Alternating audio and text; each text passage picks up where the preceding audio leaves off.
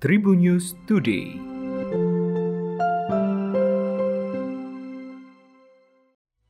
Hai Tribuners, saya Delta Gonzales. Mari kita awali Tribun News Today kali ini dari berita nasional.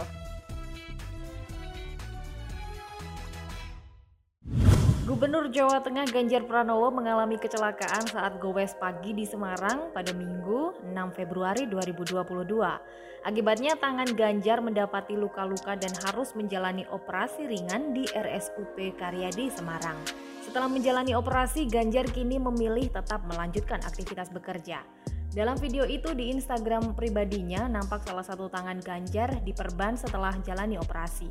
Ganjar menyebut ada salah satu tulangnya yang mengalami patah akibat insiden jatuh dari sepeda. Sementara dalam video yang diunggah itu Ganjar juga mengaku sudah baik-baik saja. Ia bahkan sempat memantau ketersediaan kamar di RS Karyadi sebagai antisipasi terhadap lonjakan COVID-19. Di samping itu, Ganjar juga berterima kasih atas dukungan dan doa masyarakat yang mengalir untuk kesehatannya. Sebelumnya, kecelakaan terjadi saat Ganjar Pranowo bersepeda untuk mengecek lokasi yang berpotensi terjadinya kerumunan. Terlebih pada minggu biasanya banyak orang berpariwisata. Namun dalam rute perjalanannya saat melewati daerah sekitar Kokrosono, sepeda Ganjar bersenggolan dengan sepeda rekannya sehingga terjatuh.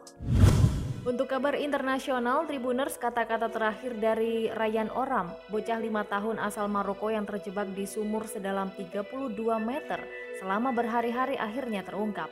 Menurut kerabatnya kepada Reuters, Ryan sempat berteriak meminta tolong untuk diselamatkan. Kerabat itu mengatakan keluarganya pertama kali menyadari Ryan hilang ketika mereka mendengar suara tangisan. Kemudian mereka menggunakan lampu kamera ponsel untuk menemukannya. Sayangnya nyawa Ryan tidak terselamatkan. Diketahui Ryan terjatuh ke dalam sumur lima hari yang lalu.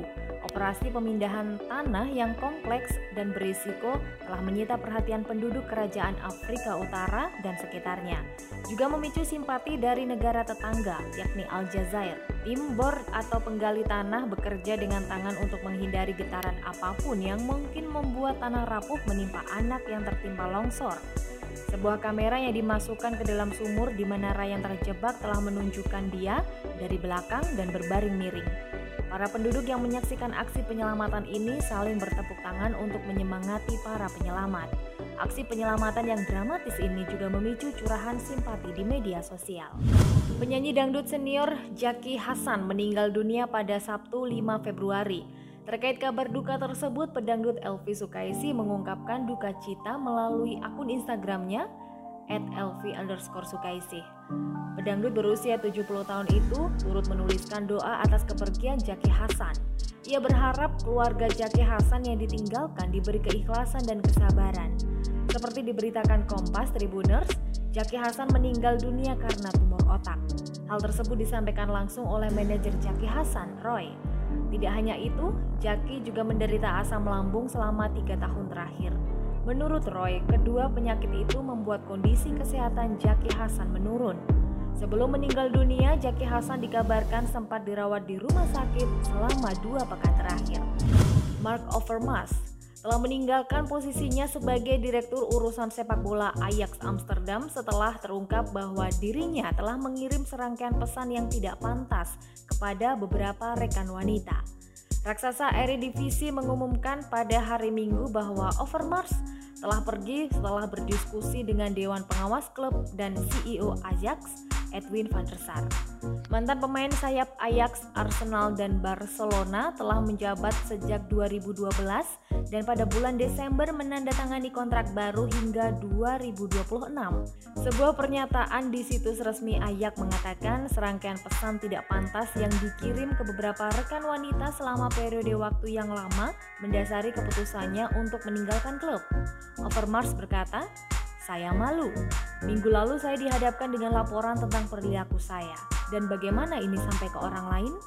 Sayangnya saya tidak menyadari bahwa saya melewati batas dengan ini.